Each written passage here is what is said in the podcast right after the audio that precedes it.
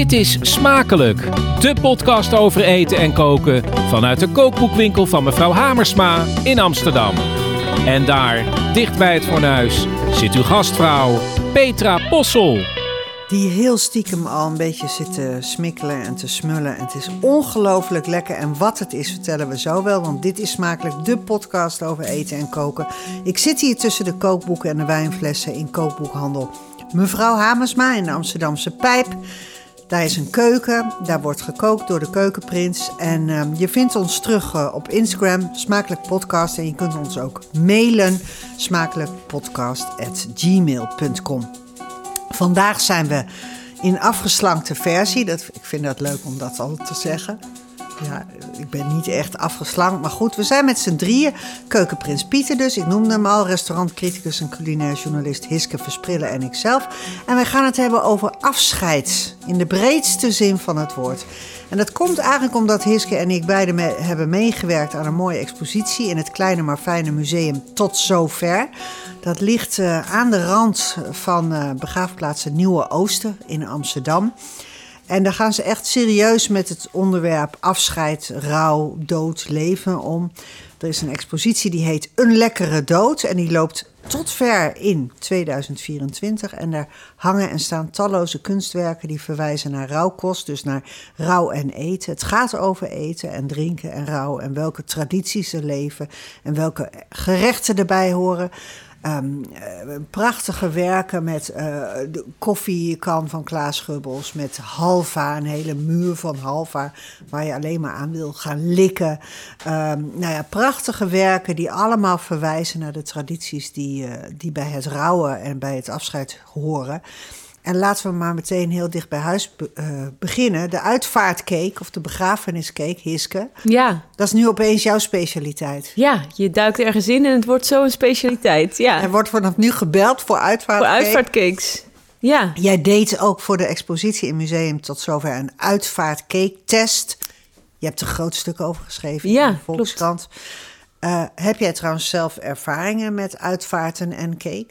Zeker, ja, van uh, uh, mijn grootouders allemaal. Die hadden echt allemaal zo'n ja, klassieke Hollandse uitvaart. Zeeland en Friesland? Zee nee, Zeeland en Drenthe. Drenthe. Uh, bij, bij, in Drenthe hebben ze ook wel de, de krentenweggen. Ken ik, ja. Ik was Twente, ook krentenweggen. Ja, precies. Ja. En dan zo'n hele grote. Ja. Echt zo'n meter krentenweggen die dan in stukken wordt gesneden. Wel lekker. Ja, lekker hoor. En uh, um, ik geloof bij allebei mijn Zeeuwse grootouders was het inderdaad uh, uh, koffie en cake. Maar het schijnt heel erg te wisselen ook of je zeg maar in protestants gebied of in katholiek gebied zit. Of er um, gegeten wordt voor of aansluitend aan de uitvaart. Ja. En ik begreep dat er dus in veel katholieke gebieden heb je echt de koffietafel. Hè? En ook in, in België. Vrij uitgebreid. Uh, uitgebreid met allerlei verschillende soorten uh, uh, gebaks, gebak. En broodjes en soep en dat soort dingen. Uh, en uh, protestants is dan meer gewoon een plakje cake. Maar Vrij sober. Soberder. Ja. Nou, we, we, kunnen het allemaal ons wel voorstellen. Ik woon zelf in Friesland tegenover een, een dorpshuis waar je dan al die kopjes opgetast ziet staan. Ja. Uh, gewoon witte kopjes en schotels. Daar wordt dan, worden enorm veel potten koffie gezet. En daar wordt die cake, maar gelukkig dan nog wel de cake van de bakker. Ja. Is, ja. is de gewoonte in uh, waar ik woon. Ja, het is, het is, ik werd dus gevraagd door tot zover om deel te nemen in de jury. Dus de volgorde was: eerst werd ik gevraagd voor die jury om daarin uh, plaats te nemen samen met uh, meneer Holtkamp. Nou, de, ik, de natuurlijk meteen de zenuwen, want ja. ik heb altijd al een beetje een hekel aan blinde tests, omdat ik altijd van de zenuwen de verkeerde dingen zeg. En het verkeerde uitzoek. Ja, precies. En dan is altijd hetgene wat het lekkerst is, kwam eigenlijk van de Lidl. ergens onderuit een vuilnisbak. En oh, ja. dat ik het vies. Dus ik, ik, had al tegen meneer Holtkamp gezegd: Nou, ik ben blij dat u er ook bent. Want uh, dan hebben we tenminste een echte cake-expert erbij. Maar um, we hebben 22 soorten cake geproefd. Die cakes die kwamen, dat waren de huiscakes van grote uitvaartondernemingen. De maar, monuta's van de samenleving. Precies, de monuta's en de dela's en zo. Ja. Maar ook een aantal banketbakkerscakes en een aantal groothandels- en supermarktcakes.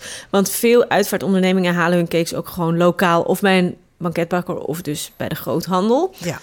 Um, en ik had me echt voor niks zorgen gemaakt, want er was echt ik heb nog nooit een test gehad waarbij er zo'n reusachtig verschil was in kwaliteit tussen de ambachtelijke en de, en de grootschalig gemaakte cakes. Want de ambachtelijke cakes waren hartstikke lekker en de, en de meeste, dus de meeste groothandels- en supermarktcakes waren echt heel vies. Ja, en dan heel vies. Er is ook een onvoldoende uitgedeeld. Er zijn vele onvoldoendes uitgedeeld. En ja. maar, maar en droog is dan wel het sleutelwoord, hè? Ja, nou ja, het is echt gek of zo dat ik me nog nooit had gerealiseerd op hoeveel verschillende manieren een cake droog kan zijn. Dus je hebt Oh. zeg maar gewoon Niet droog. droog, droog, zeg maar woestijnzand droog. Ja. Maar je hebt ook een heel specifiek soort vettig soort droog. Dus dat het en vettig is, maar ook droog. Heel wonderlijk. Je zou zeggen, dat kan niet. Het kan, zeg maar. Ik heb het tegen jou. Hanos. Eh, nee, eh, en eh, nou ja, droog dat Ga- je keel blijft steken. Hanos, droog dat het. shamen? Ja, nee, het was echt, ja, het was, het was echt allemaal niet best. En droog en brokkelig, of juist droog en, en, en ko- korrelig, zanderig. Nou, er waren gewoon heel veel cakes die echt niet lekker waren. En dat ik dacht, ja, het is toch eigenlijk verschrikkelijk. Dan is er iemand overleden. Dan is het allemaal al zo ontzettend verdrietig. En je hebt een droge mond, Je hè? hebt- Dat is vaak Precies. zo in En dat eh, helemaal uitgedroogd van het huilen. En, en dan vervolgens krijg je ook nog zo'n eh, Zo'n een droge hele klef. cake. Ja. Ja, Pieter, heb Het jij eerste, even... het eerste wat je eet na de uitvaart, de begrafenis, de, de crematie en dan... De, En dan krijg je dat. Heb jij ervaring met cake bij uitvaarten? Eh, We nemen nu niet alle ja, Nee, zeker, door, zeker. Ik, door, ik, heb, maar- ik, ik denk aan een familielid in eh, de Bible Belt. Ik zal het niet nader specificeren. Eh, grote uitvaart. En er werd nog bij de uitvaart door de dominee gezegd van... nou, het is nog maar eventjes de, de vraag of de overledene de, de hemel gaat halen. Misschien wel, misschien niet. Dus even aan te geven hoe zwaar op de hand het was. En daarna zou er nog gezellig samen zijn... zijn. Eh, iedereen in een hele grote kring, 100 mensen of zo.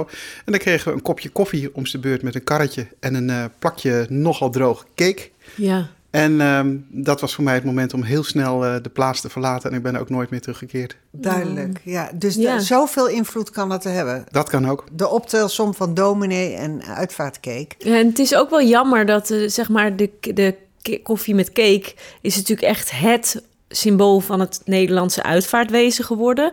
Het wordt ook vaak gezien als iets eh, behoorlijk burgerlijks, hè? Er Beetje wordt mee saai. gespot. Wordt mee gespot, saai, knieperig, weet je wel, één plakje. eh, Ja. Weet je, on, on. En het is natuurlijk geen feest, maar weet je, on, ongenereus. Ehm, terwijl op zich een goede cake is ook een aantal mensen die ik gesproken heb voor dat artikel wat ik dus naar aanleiding van die, dat juryberaad heb geschreven, zeggen heel veel mensen, nou ja, zo'n cake is eigenlijk een perfect uitvaarthapje, want je kunt het delen. Ehm, eh, je kunt het met je hand eten. Je hoeft niet een bordje erbij te hebben. Het vraagt weinig van je. Het is gewoon iets heel lekkers en troostends met boter en suiker. Zonder al te veel opsmuk of romslomp. Iedereen lust het. Ja. Eh, het is gewoon eigenlijk echt het perfecte uitvaarthapje. Je moet er niet aan denken dat je een tompoes bijvoorbeeld hebt bij een uitvaart. Nee, Waar je dan altijd een worsteling hebt van hoe kom je door dat bladerdeeg een heen. slagveld. En, hoe ziet, en waar is dat ros dan gebleven Precies. enzovoort. Die cake is perfect in zijn, in zijn eenvoud. Is een eenvoud, ja. je Want, kan natuurlijk ook lekker uit de hand eh, nuttigen. Ja, ja, precies. Ja. Ja. je hoeft geen bordje erbij. Nee, zeker. Wat, wat, want de ingrediënten die liggen nogal voor de hand van een cake. Ja, het is een eenvoudige eh roombotercake. Dus het belangrijke is, dat is ook waar, waar we heel erg achter kwamen bij, dat, eh, bij die test. Je, er moet gewoon veel boter in. Ja. Veel boter. En een klassiek gerecht van een, een cake is, eh, zijn eigenlijk vier gelijke delen. Hè? Gelijke delen ei, boter, bloem en suiker. We hebben het over roomboter, hè? Ro- ja, de andere, dat is de enige boter die er is in mijn... En ja, in jouw wereld. Ja, maar in boter de, is in de- In boter. de jonge mensenwereld heb ik gezien dat, dat juist de plantaardige margarine weer... eh, Ja, nee, maar dat kan ook. Maar dat, ik, ik ben, ik heb daar, daar vind ik verder niet zoveel van. Maar in een roombotercake moet natuurlijk roomboter. roomboter. Ehm, en eh, verder denk ik dat het ook belangrijk is bij zo'n verdrietig moment... dat zo'n cake dus niet te veel van je vraagt. Dus er hoeft niet heel veel citroenrasp in. Er hoeft niet heel veel vanille in. Er hoeft geen smaakje in. Het moet gewoon een lekkere eh, cake zijn... waarbij vooral die botersmaak gewoon heel duidelijk is. En ik heb dus Verder vrij bescheiden cake. een bescheiden cake. Ja. Nou ja, toen ik bezig was met dit stuk, als ik die stukken schrijf voor de Volkskrant, dan bel ik eigenlijk altijd Hidde de Brabander, meesterpatissier. Ja. Ehm, eh, die, die ontwikkelt dan vaak een recept voor mij om bij dat stuk te zetten. We hebben natuurlijk ook het recept van Kees Holtkamp. Dat is echt een hele klassieke cake van vier gelijke delen. Maar Hidde die gaf mij een recept waar dus net nog wat meer boter in zat. Dus Ja. daar, daar, daar verwerk je eigenlijk nog meer boter in. In verhouding met meel, suiker en ei. Ja, precies. Ja. Oké. Ja. En jij, jij, want daar, tip, nou ja, daar tippel jij dan op, hè? Want dat vind jij dan beter dan, eh, want dat is eigenlijk ook wel, eh, je zat in de jury met meneer Holtkamp. Ja. Nee, ik vind het niet beter, maar ik, ik, ik vond het leuk om, omdat ik dus Hidde altijd bij die stukken betrek. Ja, Om hem ervoor te vragen. En ook omdat die klassieke cake, ja, dat zijn gewoon vier gelijke delen. Kan je verder ook niet zo heel veel aan uitleggen. nee, precies. Vond ik het, en, en hij zei van, nou ja, op zo'n manier krijg je dus nog wat, net wat meer boter in de cake. Wordt Ja. die net nog een beetje smeuiger. Ja, Eh, en dat werkt heel goed. Maar die, die gewone cake van vier gelijke delen is ook heerlijk. Dan toch even naar de uitslag van die test, zonder alles te spoilen voor mensen die dat dan nog na gaan lezen. Maar eigenlijk is bottomline toch dat het beste is om een banketbakkerscake te nemen. Ja, of zelf één te maken natuurlijk. Of zelf te bakken, ja. Eh, maar er zijn gewoon hele goede banketbakkerscakes. En eh, die, die kwamen ook echt, eh, nou ja, met vlag en wimpel bovendrijven. Maar je ziet, je merkt het echt aan de ingrediënten. Als je kijkt naar de ingrediëntenlijsten. Ehm, die supermarktcake, daar zit eh aardappelzetmeel in. Dat, maakt, dat geeft dat zanderige. Ja, Er zit vaak eh, citroen of vanille aroma in. in plaats van citroen Ja, zelf. eh, plantaardig vet, palmvet, ehm, ja, allerlei smaakstoffen. Weet je, van die rare ingrediënten als eh, ehm, ge- gedehydrolyseerd melkvet en zo. Wat is dat in Geen flauw idee, ik weet niet wat het is. Maar je, je wil het niet. Nee, je wil het gewoon niet. Nee, terwijl dus de, de- ja, het mooie van zo'n cake is juist... Het is ook een elegant recept, vind ik, met van die gelijke delen. Ja, dat je dan ja. zoiets pret, prachtigs ervan maakt. Heb jij gehoord of, het, of er ook zoiets bestaat als de traditie dat familie zelf cake meebrengt bij uitvaarten? Nou, daar hebben we het wel over gehad. Want dat zou op zich natuurlijk een logisch iets zijn. Hè? Want er zijn natuurlijk bijvoorbeeld ook veel grootmoeders die een eigen cakerecept hebben. Ehm, maar wat ik begreep van een jonge uitvaartbegeleider, eh Suzanne Duivenstein, die, een, die ik ook geïnterviewd heb voor dat stuk, is: kijk, ehm, die uitvaartondernemingen zijn ook eh, vrij commerciële organisaties vaak. Dus het is een beetje net zoals bij bruiloften. Dat als je na de uitvaart een bijeenkomst wil hebben met de familie. Dan, eh, en je zegt ik wil graag eigen cake meenemen. Dan kan dat vaak niet. Of je moet een soort kurkgeld, cakegeld betalen. Die catering, je krijgt zo'n je lijst, krijgt net als gewoon- bij bruiloft. Ja, je krijgt gewoon een lijst. Ja, dit is onze cateraar en hier halen we onze cake. En dan kun je kiezen, wil je cake of wil je bitterballen? Want bitterballen schijnt de cake een beetje rechts aan het in, eh, aan het in te halen zijn bij maar dan toch uitvaarten. niet in de ochtend bij de koffie, mag ik hopen? Nou, nee, dat had er dus ook mee te maken dat uitvaarten nu vaker later op de dag worden gepland. En dat er dan daarna een borrel is in plaats van dus ja. ja. koffie en cake. Ja, En ja. ik denk mij, als, als, ik- als ik in mijn cake daar eens inbeeld... dat er dan een borrel meer te verdienen valt... dan een schraal kopje koffie en een al eventueel luxe eh, plakje cake erbij. Ja, dat zou kunnen. En ook de behoefte Ja. van, eh, van naasten verandert natuurlijk ook.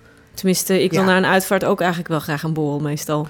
Ja, ik ook, maar dan mag ook om 11 uur 's ochtends. Ja, precies. Ja. Daar ben ik dan niet kleinzerig Ja, in. maar goed, het is dus in, in ieder geval bij als je ook de bijeenkomst op het uitvaartcentrum wil, is het soms nog best wel lastig om zelfgemaakte cake mee te nemen. Is niet de voor de hand liggende stap. Ik, ik wil het voor twee dingen pleiten. Ik vind dat eigenlijk flauw.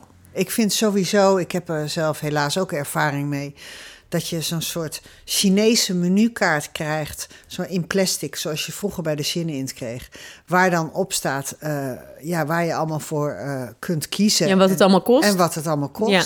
Daar word je altijd mee geconfronteerd in de 24 uur na het overlijden van een dierbare. Ja. Dus je bent heel erg geneigd om te zeggen: doe me die maar en pak die cake er dan maar bij. Ja, dan weet je tenminste zeker dat er iets zal zijn, want je bent natuurlijk je- super verdrietig. Precies, je hoofd staat niet naar cake bakken en je bent ook niet bezig met al die romslomp. En dat vind ik eigenlijk heel naar aan die hele industrie. Ja, Want eh, het zou toch mooi zijn als iedereen zijn lievelingsgerecht mee zou mogen brengen. Of iets, eh, al zijn het gewoon bro- broodjes rosbief of eh, ja. salade of je favoriete whatever. wijn. Ja. Of, ja. Dat daar, dat daar, en dat je, en maar dat zit in dat hele uitvaart. En ten tweede moet er toch een een, een herwaardering komen voor de uitvaartcake. Ja, ja, nee, ik ben het helemaal met je eens. Het is wel zo dat, dat was dus ook in dat gesprek met Suzanne, dat zij heel erg zei dat zij er altijd voor pleit als ze dus een gezin of een naaste uh, bijstaat. Dat ze zegt, er is heel veel mogelijk.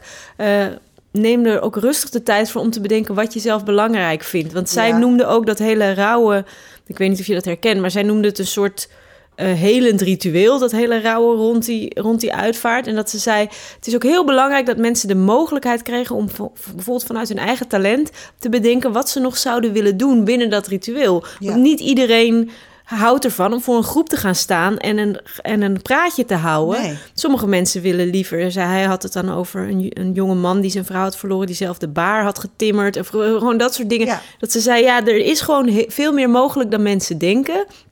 Die bijeenkomst hoeft ook helemaal niet per se op het uitvaartcentrum te zijn. Kan ook ergens buiten zijn, kan ook thuis zijn. Er, is, er kan gewoon van alles. En, en eh, nou ja, omdat het eh, nu zo... Ja, je, eh, vaak veel mensen het gevoel hebben dat je een soort trechter in gaat... terwijl je al in zo'n hele heftige, verdrietige periode zit. Maar dat is dus, eh, zij zei, niet nodig. Het kan ook anders als je goed begeleid wordt. Ja. Nou ja, ik de, de, de ervaring die ik ermee heb, is dat ik bij het overleden van mijn, eh, mijn echtgenoot toen. ehm, een borrel heb georganiseerd, dat paste heel goed bij hem, rond een bar die ooit in zijn café had gestaan. Ja, Dus die bar, die was, El, eh, die was naast, toevallig in het café naast, naast de begraafplaats Ja. in Amsterdam. En dat is in die tuin daarnaast eh, Sint Barbara eh, in Amsterdam, die begraafplaats in, in het Westerpark. ja. En daar staat een bar, dat is een golvende Gaudi-bar. En ja, die hebben we op dat moment tot Jans Bar gedoopt. Prachtig. Ja, en daar kwam er een jongen binnenlopen, een man moet ik zeggen. En die man die was in dat café ook vaak stamgast, de, het café van Jan. Eh, en die vroeg aan mij, Petra, vind jij het goed als ik even piano speel? En toen dacht ik van ja, ik kan hier nu wel van alles gaan roepen. Want soms duurde dat pianospel best lang. Laat ik het zachtjes uitdrukken. is er zo een, ja. Het is er zo een. En toen zei ik, ja, doe maar. Nou, die ging dus achter die vleugel zitten. En uiteindelijk, ja, ik durf het bijna niet te zeggen, maar het werd toch ook heel gezellig. Ja, ja. En dat heb je ook nodig. Dat er ergens een moment van gezelligheid is dat ver- verbroedert of verzustert. Nou ja, en een soort eigenheid, denk ik. Hè? Dat is heel belangrijk. En een herinnering die Ja. erbij hoort. Dat Ja. je niet in dat concept geduwd bent. Precies, ja. Dus Nou, dan, dan eh, grijp ik he- heel snel eventjes de kans. Ik, ik heb helaas ook een, eh, een overleden eh, dierbare een echtgenoot om te memoreren. Bij haar begrafenis heb ik met een bevriende kokkin en nog wat bevriende koks heel veel patisserie gemaakt. In overleg met de uitvaartonderneming. Dat was vrij bijzonder, zeiden ze. Chocolade, kleine friandises en zo. En dat was heel helend om te doen die dagen ervoor. En eh, nou ja, mensen hebben het ook enorm gewaardeerd. Dat is ook wel leuk om eh, te Ja. zien. Ja. Op die manier heb je iets, iets zoets te eten gegeven. Zoetigheid is heel belangrijk bij begrafenis of bij uitvaart. Hè? Ja. Dat komt in jouw artikel ook naar voren, Hiske. Ja, zoetigheid inderdaad. En ook eh, wat ik begreep van een dame die dus gespecialiseerd is in voedselrituelen rondom uitvaart. Die zei dat eigenlijk overal op de wereld waar eh, graan wordt gegeten, die graan ook een soort belangrijke rol speelt in die uitvaart. Dus er wordt bijna altijd inderdaad iets van zoet gebak eh, of een brood. Eh, en bijvoorbeeld ook in oude graven zijn ook echt prehistorische graven ook graankorrels Ja. teruggevonden. Dus dat, dat, dat- sowieso dat, dat graan, wat ook een nieuw begin symboliseert, dat is belangrijk. Zij had het ook bijvoorbeeld over een, dat zij in Senegal bij een begrafenis was geweest. Of dat was een crematie, ik weet het even niet zeker. Maar dat er dus een soort grote koek werd gebakken... die dan ook op het lichaam van de overledene werd gelegd... en daarna werd opgegeten.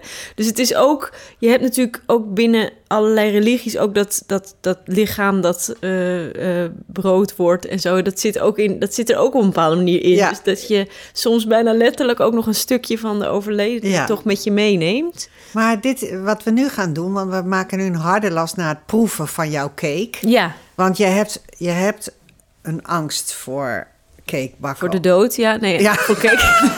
Cake, cake bakken is de dood, begrijp Ja, ik? die dood, dat weten we wel. Maar die cake bakken. ja. ja, nee, eh, ja, ik heb een beetje cakeangst. zeg Maar ik heb sowieso een soort eh, oude, ehm, diepe eh, bakangst. eh, Bakangst, ja, ehm, die heb ik ook. Want het, het, het kan zo mislukken. Ja, ik ben echt een beetje een lamerwaaien kok, zeg maar. Ja. En, en ik hou van eh, grote gebraden en van dingen met, waar ik nog een beetje aan kan, kan tweaken en zo. Ja. En dat is met bakken is dat natuurlijk niet zo. Hoewel ik wel gewoon nu ook door middel van, eh, hoe heet het, confrontatie en zo... er steeds eh, me er toch wel aan Het klinkt bijna als een therapie. bloot te stellen. Precies, dus ik bak nu heel veel, maar dan wel eh, vrij eenvoudige dingen. Maar ik had nu dus, dacht ik van, nou, dan ga ik toch een keer aan die uitvaartcake. Naar Ehm, Hidden den Brabander, want ik ben hem nu aan het proeven. Ja, dit vandaag. is het eh, recept. Dus deze Ja. cake, ehm, ik moet eerlijk zeggen dat ik hem echt best wel goed gelukt Ah, vind. ik vind Die- hem echt heerlijk. ja, Hiske, omarm hem, deze cake. ja, deze cake eh, omarm ik. Dit is de lekkerste cake. Ja, eh, en eh, de, eh, kijk, ik zal even het proces eh, Ja. doorspreken. Want het is, het, er zitten, het is een eenvoudig recept, een cake. Maar er zitten toch nog best wel wat kleine handigheidjes in... die, het echt, die je leven echt leuker maken als je hem aan het maken bent. Ehm, dus je moet eerst de suiker en de boter opslaan. Dat moet altijd bij een cake. Dat duurt heel lang. Zeg maar, je hebt bepaalde dingen in recepten waar altijd over gelogen wordt. Eén is het karamelliseren van uien. Duurt altijd veel langer dan je denkt. Ja, nooit een uur. Duurt altijd veel. Er staat dan in het recept karamelliseerde uien in, in vijf- 15 minuten. Kan niet. Dat kan niet. Nee. Dat kan niet. Dus hetzelfde is met het opslaan van de suiker en de boter bij een cake. Dat moet echt lang. En dan lang is Lang is echt, nou, 10 minuten tot een kwartier. met de mixer. Nou, ik heb thuis een Kenwood, dus ik heb zo'n keukenmachine. Dus die kan je gewoon aanzetten, kan je wat anders gaan doen. Dus best wel chill.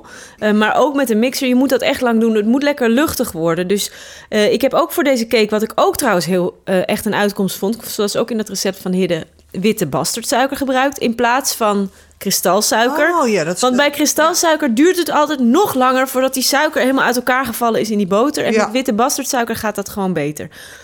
Dus die boter opslaan met witte bastardsuiker. Ik had nu ook alvast flink wat zout erin. Want dat is ook in patisserie altijd heel belangrijk. Dat er, dat er goed gezouten is. Anders dan heb je het zoet niet. ja, of, of dat zoet wordt dan een soort van plat. Heb ik, Ja. vind ik altijd. Ja. Dan is het een beetje plat zoet. Ja. En met zout wordt het meer eh rond zoet.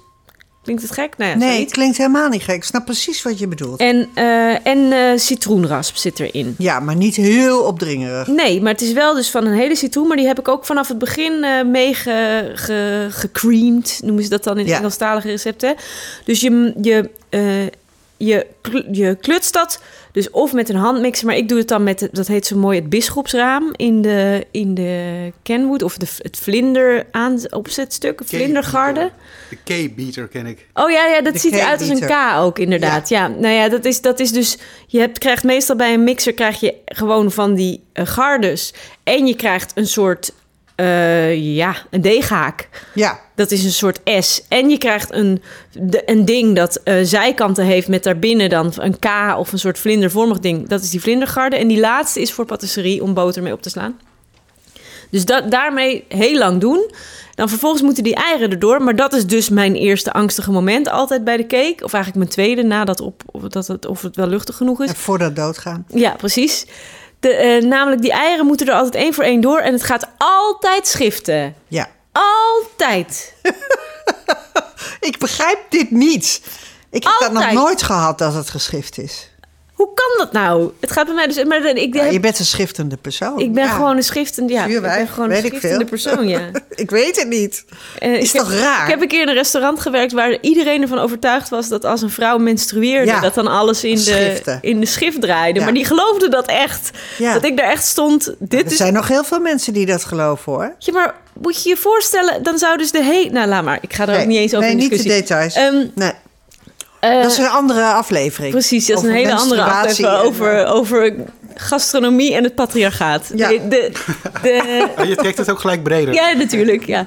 Door de eeuwen heen. Ja, ehm, maar goed, in ieder geval, die, die draait dus in de schrift. Maar, toen, maar Hidde, die mij dit recept heeft gegeven... die heeft dus bij allerlei hele chique bakkers gewerkt... en die zei tegen mij, dat maakt helemaal niet uit. Het mag gewoon in de schrift. Nou, het was alsof, er, alsof ik drie dikke jassen uittrok. Wat een opluchting. Het mag gewoon schriften. Het maakt niks uit Het voor maakt de niet cake. uit. Wist jij dit, eh, Pieter? Eh, nee, nee, nee. Want nee. jij bent ken- toch ook een beetje een chef? Ik ben eh, nou, Een beetje ik ben in ieder helemaal. geval, eh, eh, eh, leerling patissier al mijn hele leven. Mijn eerste leermeester was mijn, eh, mijn eh, bloedeigen moeder. Met wie en voor wie ik later ook wel eh, cake ging bakken. Mhm. En ik kan me eigenlijk herinneren dat zij de, de suiker met de eieren opklopte. Tot heel luchtig, li- Ja, dat- lintvormig. En Ja. dan pas de zachte of bijna gesmolten boter erdoor met de bloem. Ja, dat is dan Ben je een andere. Ja. Nou ja, je hebt meestal met, ik ken dit verschil wel tussen met bijvoorbeeld kapsel, Mhm. waar je natuurlijk begint met het ei. Ja. Maar met een cake ken ik het ei. En met een cake en met koekjes en zo ken ik het zelf eigenlijk alleen maar dat je begint met de boter. Mhm. Maar ja, ik, het, misschien kan het ook, ja. ja. Ik weet het niet precies. Het, moet in ieder Daar zijn de hidden, de Het van maakt- deze wereld voor. Het, of het nou geschift is geweest of niet, wij zullen dat niet proeven, want het is een fantastische luchtige cake. Ja, hij is een beetje luchtig. Mensen doen ook vaak toch nog wel wat bakpoeder in een cake, hè? Ja. Of zelfrijzend bakmeel, dat kan. Ehm, ja, maar het hoeft dus echt absoluut niet, want er zit zoveel boter in deze cake. Het hoort een beetje te smelten in je mond. En ik hou ook van cake die best compact is, een beetje zompig, zeg Ja. maar. En daarvoor helpt het dus ook heel goed, dat is een tip van meneer Holtkamp, om de cake te laten afkoelen onder het blik. Want je wil natuurlijk heel graag, als je zo'n cake hebt, dat Meteen iedereen het ruikt, zeg maar. Het hele huis Ja, ruikt naar die cake. Maar meneer Holtkamp zei, ja, alles wat je dan ruikt, dat zit niet meer in die cake. Je moet hem laten afkoelen onder het blik, want dan omgekeerd blijft onder die vochtigheid er een beetje in en wordt Ja. hij nooit droog. Dus Juist. dat heb ik ook nu gedaan. Omgekeerd onder het blik afkoelen. Ik vind dit gouden tips. ehm, ja, ja, schitterend. Hij is gewoon fantastisch. Ja, hij is lekker, Dit hè? is het beste recept. Eh, ik, kunnen we, we, we kunnen dat gewoon lenen van Hidde en op eh, Insta zetten. Ja, het toch? staat in mijn artikel, dus dan kunnen we een... oh, Een linkje. maar ik kan hem ook gewoon wel even een screenshotje maken, hoor. Hartstikke goed. We gaan naar het tweede gerecht wat bij afscheid hoort. Dat is een Zuid-Afrikaans rauw- rauwgerecht. En Pieter, keukenprins, ja, je wil gaan opscheppen, dat snap ik ook wel. Maar kan jij vertellen, eh, want dit is begrafenisreis, maar kan jij dat beter uitspreken dan ik? Ik eh, kan in ieder geval begrafenisreis proberen, maar eh, Ja. sorry Herzog Olivier, van wie ik dit recept heb gekregen, met wie ik het eerst heb gemaakt. Bevriende kok uit Zuid-Afrika, lang geleden al. Ehm, het is een, eh, een, een, een wonderlijk eh, gerecht. Eh Hiske zei net al, ja, eten, begrafenisrituelen. Eh, dit gerecht hoort ook echt in de Afri- Afrikaanse, Zuid-Afrikaanse eetcultuur thuis. Ehm, onder andere beschreven door Renata eh, wetenschapper. Genoemd in de South African Culinary Tradition, een boek uit 1977. Ehm, ik eh, citeer nu een beetje dat uitvaart is eigenlijk een gebeurtenis van sociale betekenis. Het is niet alleen voor, voor mensen onderling, maar ook voor, voor de groep die je afscheid neemt. Ehm, in Zuid-Afrika van toen en misschien ook nog wel van nu werd dat eh, nog groter gemaakt, ehm, ook letterlijk. Ehm, je moet je voorstellen, een groot land, mensen konden best van ver komen. Hier is het niet van eh, het oosten van Nederland naar de Randstad of omgekeerd, of vanuit Friesland naar Limburg als je een ver familielid hebt. Maar daar heb je het soms over dagen reizen met, Ja. eh, met een dier of met een auto, een paard of een, een os waar- waarmee je reist. Eh, dus mensen moesten er grote moeite voor eh, doen. Eh, omgekeerd was het ook van belang om te laten zien hoe groot en belangrijk de, de overledene was. Ook al was hij of zij niet zo groot en belangrijk, dan werd het toch wat opgeklopt, zou je nu zeggen. Breed uitgemeten. Ehm, het begrip rent a crowd kwam daar al bij te pas. Daar werden dus mensen betaald om mee te lopen in de stoet. Echt waar? Beetje Trumpiaans. Nou, dat, dat zou je zeggen. Eh, er waren. eh, Rent a crowd. het kon natuurlijk. dit onthouden. Het kon natuurlijk afhankelijk van de seizoenen ook al donker zijn. Dus er waren lantaarndragers, omdat het een lange stoet was. En eh, bijvoorbeeld op een platteland naar de begraafplaats. Eh, wat ik heel mooi eh, vond, er werden ook mensen eh, ingehuurd. Dat heb ik trouwens wel eens op een begraafplaats gezien. Ook in Nederland bij een Surinaamse uitvaart. Waar mensen stonden te wenen. En die deden dat ook eh, op verzoek van de, de, de, de overleden, eh, overlevenden. Er waren ingehuurde Ja. eh, weners, Ja. Huilers. Ja. Ja. en in het eh, Zuid-Afrikaans heet dat eh, huilenbalken. Echt waar? ja, Wat grappig. ja. Eh, en waar komt die rijst eh, in ja, nou, dat komt eigenlijk als je zo heel veel mensen hebt. iedereen die eh, het ingehuurde personeel, wat ik net noemde, maar ook de, de, de genodigden. En ook nieuwsgierigen die aansluiten, aansloten bij de stoet, eh, die werden allemaal genodigd voor het, eh, het maal. Het eh, begrafenismaal. Dat was groot en meeslepend, uitbundig. en vooral ook rijk besproeid met wijn, bier, naar vermogen van de degene die het organiseerde. Ehm, hammen, lamsbouten. Hoe decadenter, hoe beter, als je het breed kon laten hangen. Maar er moest natuurlijk ook een staple food zijn. Eh, gewoon iets om iets te, Te vullen. vullen. Ja, en dat was eh, in Zuid-Afrika vaak eh, gele rijst, eh, paprijst of droge rijst. Die werd eh, geel gekleurd met kurkuma, komijnzaad eh, als smaakmaker, kaneel zeker. En ehm, wat eh, rozijntjes. Je ziet in Zuid-Afrika ehm, dat er ook veel specerijen worden gebruikt zonder dat het echt scherp is. Het was natuurlijk eh, op de, de route, de handelsroutes van de specerijen eh, naar, eh, naar Indië. Dat zie je in het Caribisch gebied ook eigenlijk Ja. veel. Hè? Dat zoet en, eh, en die kruiden Ja, eh, ja. met de rijst mengen. Het, is, eh, het wordt ook gewoon tegenwoordig al gegeten als gele feestrijst in Zuid-Afrika. Maar het is ook een, een begrafenisgerecht. En dan zeg je begrafenis. Begrafenisreis. Ja, vraag het een, eh, een, eh, Een authentieke echte, ja, dat is waar. Zuid-Afrikaanse eh, mens. Ehm, de Moeilijk ingrediënten hebben genoemd, maar op het einde, nee, het is niet moeilijk te maken. En op het einde gaat er nog een gezellige klont boter doorheen. En boter is boter en geen margarine. Ook niet in Zuid-Afrika. Nee, duidelijk. Nou, dat- En is het, mag ik het vragen nog erover? Want je hebt in Zuid-Afrika veel invloed van die, van die Kaaps-Maleisische mensen. Hè? Ja, de, de- uit die cultuur komt het Op die eigenlijk cultuur ook. komt ja. het ook, hè? Want je hebt in Indonesië heb je volgens mij ook een traditie met gele rijst bij Mhm. begrafenissen en bruiloften en zo. Ja. Dus het zal waarschijnlijk met die mensen zijn meegekomen Ja. dan die tot slaaf gemaakt waren en, tot, en naar, naar Zuid-Afrika Ja, eh, ja, werden gebracht. ja, Ja, Maar dit gericht is in, eh, eigenlijk in alle culturen van Zuid-Afrika wel, eh, wel gangbaar. Eh, ik ben nog één ingrediëntje vergeten. Dat is kruidnagel. Dat is natuurlijk, ja, je- iedereen maakt het op zijn haar manier. En eh, dit is een basis. Ja, maar die kruidnagel is natuurlijk wel precies dat wat je heel goed proeft als je, als je dit gaat doen. Dus dat gaan we even testen. Er gaat nu een bordje wordt er, eh, opgemaakt en eh, dat is het bordje voor Hiske Versprillen. Eh, zeer kritisch eh, restaurant-criticus. dat is twee keer te kritisch. ja, ik, ik ben aan het vollullen. ja ik hoor het, ja. Deze bij de sportverslaggevers deden dat vroeger ook altijd. Dus dat kan ik Ja, dus er ook. kan elk moment een doelpunt vallen. Ja, Er wordt opgeschept. Ja, er wordt opgeschept. En eh, ja, nu krijg ik mijn eigen bordje. Het Ik-. Nu zit je lelijk in de problemen natuurlijk. nee, Ja. want even, kijk, dat boter, dat spreekt me enorm Ja. aan. Maar ik zie het ook glans op deze afstand. Ja, En het is- zeker. Het is geurig. Ja. Ja, het, geur, het is enorm geurig. Ja, je ruikt inderdaad heel en die erg kaneel, die kaneel. Ja. die kaneel. En die kruidnagel ben ik nu heel benieuwd of we die ook proeven. We zijn nu aan het proeven. Nou, er zitten hele kruidnagels in, dus je kunt het treffen of je kunt het niet treffen. Heb je dit in, in water gekookt of in Ja, bouillon? nee, in water, gezouten water. Ja. Ja, Maar zoals ik zei, is ook een variant dat het papperiger is. En dan is het natuurlijk de kunst om dit voor vele honderden mensen tegelijk te maken. ja. Ongelooflijk zeg. Wat een goed idee dat je een crowd kunt eh, renten. Dat als je, ja, stel dat betaal je je wel twee keer. Hè? Dus één keer in, eh, in de Ja. Zuid-Afrikaanse rand en dan nog een keertje in een, in een maaltijd. En Ja. eh, dat, dat zal niet... eh, Maar als je nou om de een of andere reden gewoon heel weinig mensen hebt die naar je, dat je dan van tevoren alvast regelt, dat je gewoon wel een beetje kruid hebt. Ja, ja. Oké, Het is heel Ja. lekker. Mm. echt heel lekker. Heb je die rozijnen meegekookt ook? Eh, ja, nou, half, nou niet, meer. ik heb ze, het waren geen kurkdroge rozijnen. Ik heb ze halverwege het koken een handje erbij ge, gekieperd. Ja, ik ben echt een voorstander van gewelde rozijnen. Dat wordt eigenlijk te weinig eh, gegeten, vind ik. Wat ik, eh, dit eh, heb ik enorm sterke associatie inderdaad met eh rijstepap Ja. die ik vroeger thuis kreeg. Dat komt natuurlijk ook heel erg door die kaneel En de boter en de boter en de rozijnen. en de rozijnen. Dus zoet, vet, eh, ehm, ontzettend lekker vond ik dat altijd.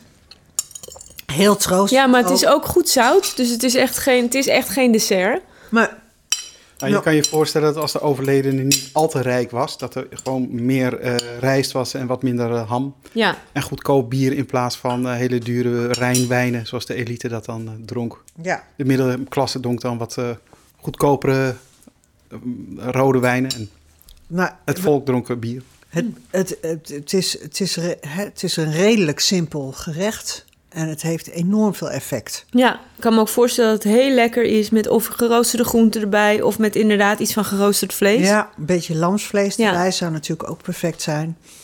Of inderdaad gewoon groenten. Nee, ik vind het echt heel lekker.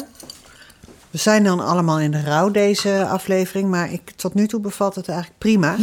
We gaan naar het volgende onderdeel. Het is een, een moordend tempo gaan we nu eh, aanhouden. We gaan naar de Joodse eiersalade. Want eieren, ehm, eh, eieren zijn een, een teken van leven. Eh, in de Joodse traditie en in het Joodse geloof is dat ook eh, het geval. Ja.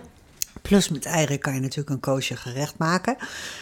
En het schijnt ook zo te zijn dat je bij rouw en trouw, maar vooral rouw in de Joodse cultuur, dat het ofwel eieren worden ofwel zalm.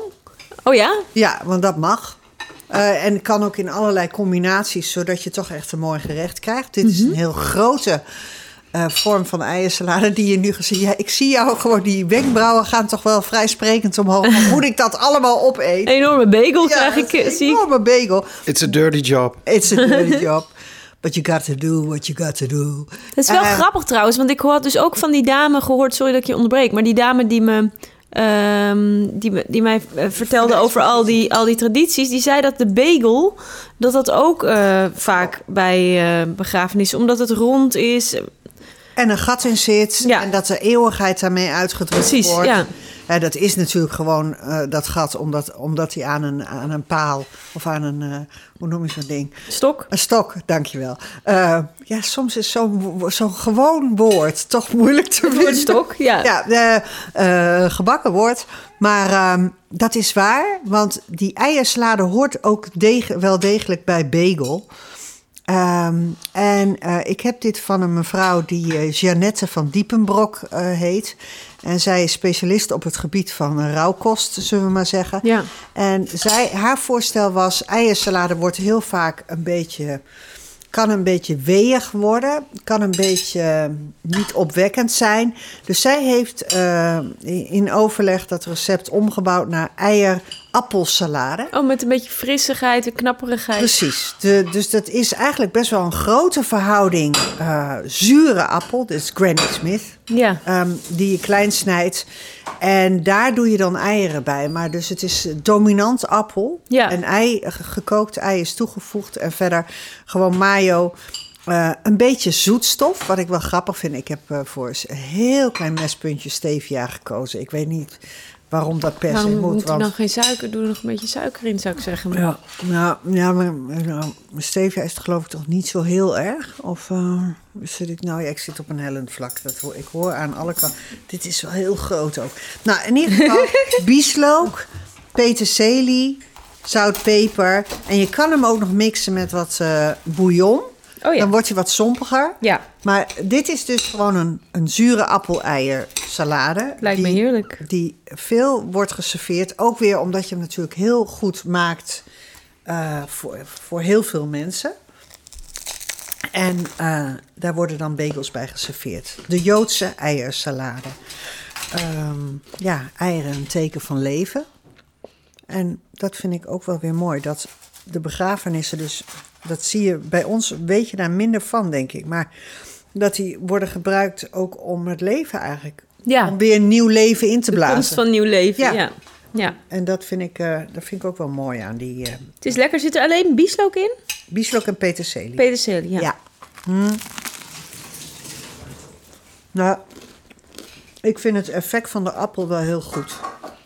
Ja. Je kan ook werken met ui. Maar, sorry, ik praat met de mond vol.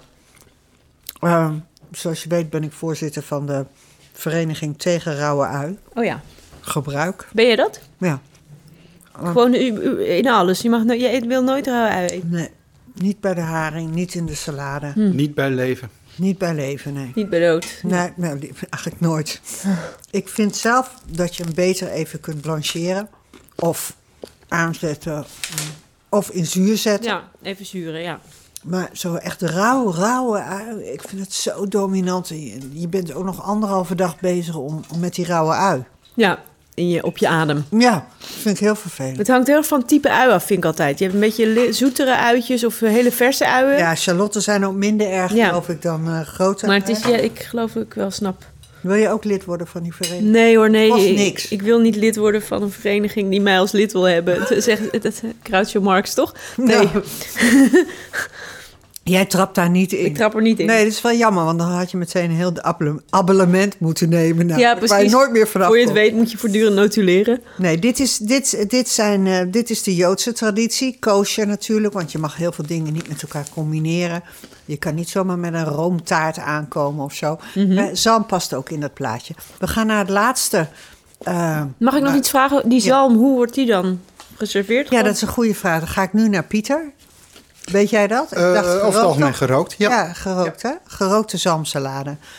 Ik, ik las in dat verhaal van Jeannette dat ze eh, zei dat, eh, dat, eh, dat de rabbijnen gewoon zuchtend van... oh god, weer eiersalade. Weer oh, ei, weer zalm. Oh, weer zalm. Ja, Eh, gewoon omdat, eh, ja, omdat je daar natuurlijk op termijn helemaal gek van wordt... als je altijd dezelfde dingen krijgt. Het gerecht dat we nu krijgen...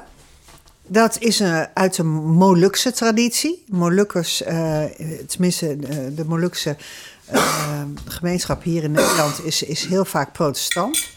Ehm, en die hebben dus, houden er dus een andere traditie op na. Ik bedoel, dat is niet een islamitische Ja. traditie. En we gaan nu naar. je schrijft lemper, maar je zegt lumper. lumper. Lumper. En lumper is eh, een rijstrolletje. Pieter, jij hebt dat gemaakt. En dit krijg je eigenlijk zowel bij bruiloft.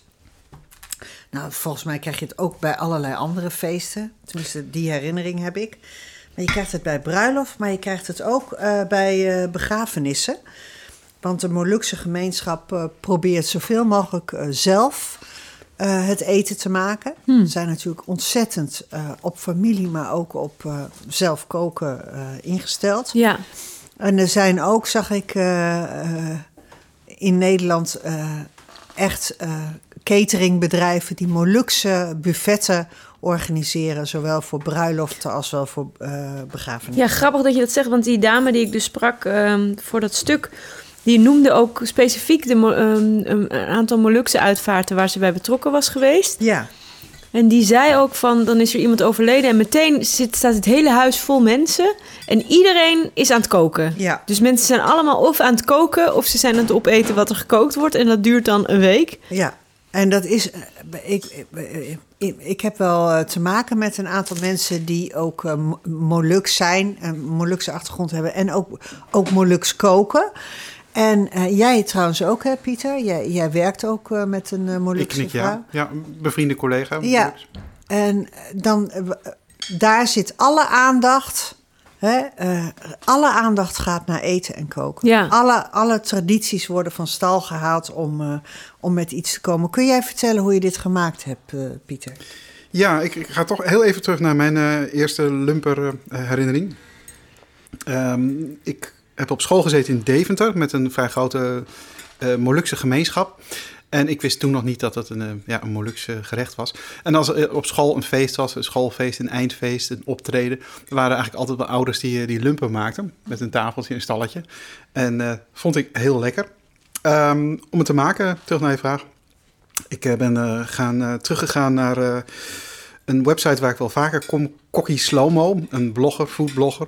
Ehm Kokkie. Slow-mo. Hele Ja. leuke website. Ja, je kent hem? Ja. Eh Kokkie Sloma, ik weet niet wat zijn eh, professionele eh, achtergrond is. Ik denk wel iets met, eh, met koken. Eh, hij schrijft het zeer geduldig op. Hij schrijft, je zou kunnen zeggen, breedsprakig op. Met ontzettend veel humor. En eh, ook goede praktische tips.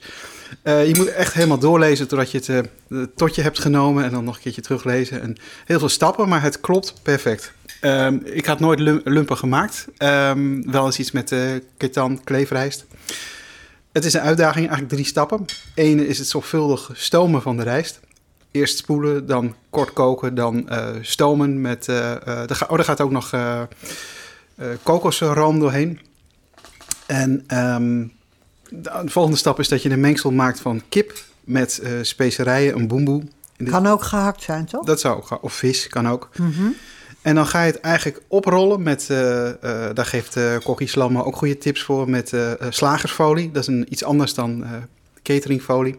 Is elastisch. Ja, en een eh, si- siliconen spatel, want die kleefrijst, het heet niet voor niet zo, kleeft als een gek aan je Ja, vingers, aan ja, alles. Ja. Hij adviseert ook nog om eh, handschoentjes te dragen. Eigenlijk is de, de, de manier van werken net zoiets als eh, de Japanse eh, onigiri of de, zo de gerolde sushi met... Ja. eh, ja, Daar lijkt het op. Ja. Nou ja, niet qua smaak trouwens. Het, ja, zo'n tempura-vel aan, de, aan de buitenkant. Ja. Ehm, nou ja, je rolt het op, je rolt het als een V eigenlijk in een stuk plastic folie en je laat het dan afkoelen. En dan voor het serveren warm je het nog even op in de magnetron of in een stoompan. Ik heb het nu net gestoomd. Traditioneel doe je dat natuurlijk in bananenblad. Eh, eh, wat ik er nog over kan vertellen is dat de dag voor de begrafenis wordt er s'avonds een rouw- en troostdienst gehouden. Dat vind ik trouwens ook mooi, dat het niet alleen een rouwdienst is, maar ook een troostdienst. Eh, de Malam Pengi Buran. En dan zitten de naaste familieleden in een U-vorm om de kist heen, waar de aanwezigen eh, kunnen condoleren natuurlijk en troost bieden. En die kus- kist staat ook vaak open en dan is er koffie, er is thee en er zijn Molukse hapjes. En Ja. dit, dit hapje, lumper, maakt onderdeel uit van die traditie. Ja, ik heb dit echt geïnhaleerd net, want ik vind het echt super lekker. Ja, ik ook. Ja, Ah, het is echt heel. eh, de buitenkant is vrij zacht, de, de kleefrijst. Maar dat vind ik eigenlijk wel fijn. En het is heel, eh, inderdaad heel troostrijk. Dus die, die zachte rijst en dan die hele aromatische binnenkant. Cit citroen. eh, Citroen, in, limoenblad, limoenblad zit, in. zit in de rijst, ja. en er zit wat. eh, wat eh, hoe Veel eh? specerijen, kamiri, noten. Ja, het is, on, het is on- onwijs lekker. Het is best een bewerkelijk Ja. iets hè, om dit te maken, Ja, maar het is wel heel erg de moeite waard. Ja, Ja. nu ik terugdenk, eh, was het eigenlijk ook... eh, als je dit moet maken voor honderden mensen... wat ik wel eens heb gehoord op een Molukse begraafplaats... dan ben je echt dagen bezig. Dat kan niet anders. Ik heb Ja. er nu zes gemaakt. En eh Kokkie Slomo schrijft ook van... ja, je moet geduld hiervoor hebben. Niet alleen om het te maken, maar... hij, eh, een klein zijsprongetje, hij eh, was een keertje op een passamala met een ongeduldige vriendin. eh, gezicht op onweer. Hij boog even af naar de kraam met, eh, met lumpers. En hij zei van nou, ik dumper voor een lumper. En dit soort grappen heeft hij allemaal, deze Ja, kokkie dat, dat maakt waarom ik terugkom op die site. Ja, Ja. ik snap dat volledig. Ik maar het vond- is een, ik kan me voorstellen dat het ook een beetje zoals met kroketten maken of zoiets is. Dat je er eigenlijk een heleboel moet maken, omdat het anders vooral... Ik kan me voorstellen dat het ook een heleboel troep geeft. Namelijk. Ja, ja, maar met die, die kleefrijst die moet je eigenlijk verwerken als die nog warm is. Als die Oh ja. afkoelt, dan wordt het helemaal een brokkelige bende. Ja, Dan lukt het helemaal niet. Ik vind Nee. het fantastisch. Ten slotte, want er moet een keer een eind komen aan deze, aan deze aflevering. Aan alles, Afscheid en aan alles. En nou ja, voordat we weer over doodsangst. Ik, eh, bij het einde van de successerie Succession. oh, Ja, dat is een hele andere vorm van rouw. Maar toen heb ik echt fysieke ontwenningsverschijnselen gehad. echt? Ik had echt zoveel moeite om Met afscheid nemen. afscheid nemen van die familie. Van die nare familie. ja, terwijl het zulke nare mensen zijn. Ja, maar ik hield van Roman Roy. Ja, In zijn, al zijn gestoordheid. Met zijn kleine piemeltje waar het altijd over ging. Of, Ja. of niet. Ik hield zo van, van alles. Had jij dat ook eigenlijk? eh? Ja, nou ja, ik weet niet. Ik denk dat heel veel mensen waren helemaal verslingerd toch aan Succession. Het was echt... Ik kijk niet zo heel veel series meer, maar Nee. dit heb ik wel echt nog eh, verslonden. Verslonden Dat je er echt elke week woord. voor ging zitten. En inderdaad, het zijn zulke nare mensen, maar ook allemaal zo beschadigd of zo. Het heeft iets heel... Ja, ik dacht dat ik er niet van zou kunnen houden. Ja. Omdat ze zo beschadigd zijn. Omdat ze zo voor geld en macht gaan. Echt obsessioneel. Ja, ja maar ook allemaal zo... Het zijn ook allemaal nog, nog soort van zielige kinderen Ja. of zo. Dus dat is heel prachtig Ze komen gedaan. zoveel liefde tekort. Ja. En dat komt allemaal door die overvleugelende vader. Vreselijke vader. Die, die, zo, die je altijd maar tegen die rug zit aan te kijken in Ja. het begin van, van, van elke aflevering. Zie je hem zo als een paterfamilie als aan die, aan die eettafel Nou. zitten. Er wordt trouwens ook heel veel gegeten. Er is nu al een lijst uitgebracht eh, door de New York Times... waarin de restaurants staan waar de dames en heren dan altijd zaten te eten. Ja. Dat zijn natuurlijk de duurste restaurants van New York. Enzovoort, enzovoort. Maar waar ik heel erg door geraakt eh, ben... en ik heb het ook de hele week op repeat gehad, terwijl ik troostvoer tot me zat te nemen. Was dat de avond van, of de dag van de laatste aflevering online. eh, en ik schreef ook echt in de agenda wanneer er nieuwe afleveringen waren. Dat de componist eh, Nicholas Britell, heet die man, ehm, zelf op Twitter liet horen. ja, hè, de, de, de, de, de tune, of hoe noem je dat? De, de score. Thema muziek, ja. de themamuziek van vier seizoenen lang. Waarin we allerlei varianten trouwens hebben gehoord door de, door Ja. de tijd heen. Het was niet één, maar het was wel één muzikale leidraad. Ja. Die, die zich maar herhaalde. En Ik, en ja, daar, moet je dan, daar kun je dan met bitterballen en gin tonic of bier, denk ik. Maar ik drink geen bier, dus dan is het bij mij gin Of met cake. Cake kan ook. en, dan, en dan, hij speelde dus dit.